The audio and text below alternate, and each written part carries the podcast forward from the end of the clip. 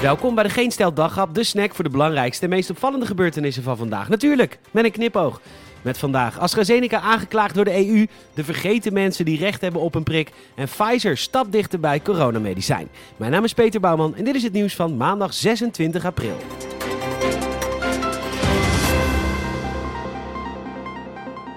Het regent vandaag natuurlijk weer lintjes. Het heeft zijn majesteit de koning behaagd een aantal simpele zielen te belonen voor hun verdiensten. En de burgemeesters zijn me daar toch origineel geweest, dat is te zien op de NOS. Een leuke versierde fiets, een kekke Volkswagen bus en dat allemaal voor hele blije mensen die vaak vrijwilliger zijn of werken voor een goed doel of Claudia de Brij.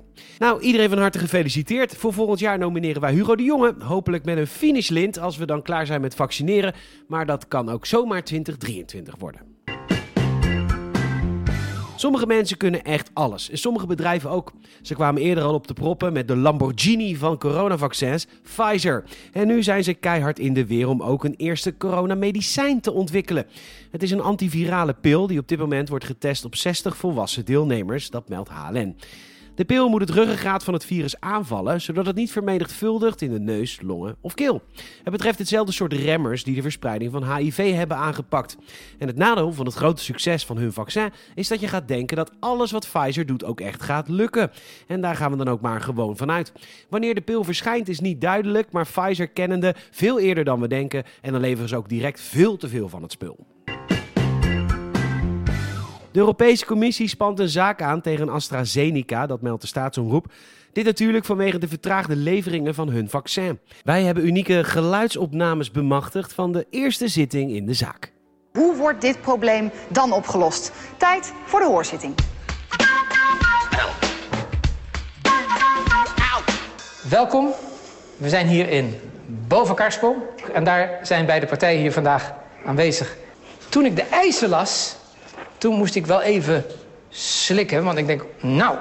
Ja, nou, nou, ja, wij zijn van mening eh, dat, uh, ja, dat AstraZeneca gewoon uh, zijn leveringen moet doen. we hebben AstraZeneca, het is, het is, ze gooien er gewoon met de pet naar. Ik bedoel, ik ben niet voor niks topambtenaar geworden bij, de, bij het ministerie van Volksgezondheid. En die mensen die moeten gewoon een keer een afspraken nakomen. En als ze het niet doen, ja, dan, dan kan ik er ook niks aan doen. Dan moet u, het maar, dan moet u er maar een keer een antwoord op geven. Dus meneer AstraZeneca, ik, uh, ik, ik bedoel, wat u nu gedaan heeft, dat verdient absoluut geen schoonheidsprijs, lijkt me. Nee, het is ook geen schoonheidsprijs. Ik, geef het ook toe, ik heb het ook toegegeven, ik had ze even moeten waarschuwen.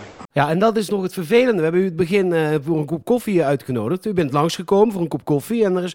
Ja, we hebben daar echt een heel goed gesprek gehad. En nu zegt u dat u helemaal niet, uh, niet met ons wil praten of iets. Ik uh, kan niet met die mensen praten en dat gebeurt ook niet. Van het begin af aan niet? Nee, ik heb in het begin met mijn kopje bij zaal daar. Tot is een kind in de voorschouw buiten gezet hebben. Toen was het over. Een kind in de voorschouw buiten gezet? Ja. Ja, dat was onze kleine, kleine, kleine Hugo. Die moest even buiten staan. Even buiten het ministerie afkoelen. Omdat de mensen van geen stel weer nare dingen over hem hadden gezegd. Maar dat heeft hier toch helemaal niks mee te maken. Ik weet niet zo goed wat u wil. Het gaat erom of wij elkaar mogen of niet. Is hopelijk maar één keer gebeurd dan? Ja, zo één keer. Jongen, jongen, jongen. U vindt dat het niks met de zaak te maken heeft? Nee, absoluut niet. Mekaar in de armen valt, dat kunnen we natuurlijk uh, vergeten. Maar wat is er nou voor nodig om in elk geval te zorgen dat het weer een beetje, ja, ik zeg maar, een soort wapenstilstand komt? Wat zou er van moeten gebeuren? Leveren, leveren, leveren, leveren, Astra. Ja, u lacht er al. Ja, maar hoe moet ik anders? Ik heb, ik heb toch niet gaan zitten houden? Nou, mensen, ik zie u binnen niet al te lange tijd uh, terug in de studio in Zandam. En dan zal ik u vertellen wat ik uh, van de zaak vind. Ik zie het alweer, vuile grijns. Hou die vuile grijns van je gezicht, jongen. Je moet gewoon leveren. Prikken, prikken, prikken, prikken. Die poffertjeskop. Tineke de Nooi leeft nog.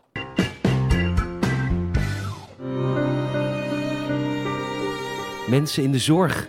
Mensen met onderliggend lijden. Mensen met overgewicht. Mensen van de politie. Mensen in het onderwijs. Natuurlijk verdienen al die mensen een vaccin. Maar dan vergeten we natuurlijk de belangrijkste groep. Weet u, een van de meest voorkomende klachten bij corona is het verlies van smaak en reuk. Sophie Pallas is zo iemand en bij Trouw horen we haar hartverscheurende verhaal. Hoe een droom van een baan in het wijnwezen werkelijkheid werd. Haar treffen met corona en het feit dat ze daarna niks meer kon ruiken. Niks meer van de intense smaak van noten met ananas, citrusvruchten en een klein beetje anijs die zorgt voor een frisse afdronk. Een witte wijn uit de Pyreneeën die voor haar geen wijn meer was. Steun Sophie en zorg dat de wijnproevers van de wereld zo snel mogelijk geprikt worden. Want zelfs als de brandstapels branden, kunnen we pas echt vergeten met wijn. Heel veel wijn.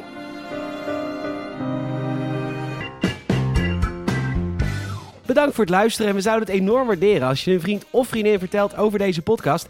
En ook een Apple Podcast review zouden we echt heel erg tof vinden. Ook wij zijn een bitch van de algoritmes. Maak er een hele mooie Koningsdag van en tot morgen.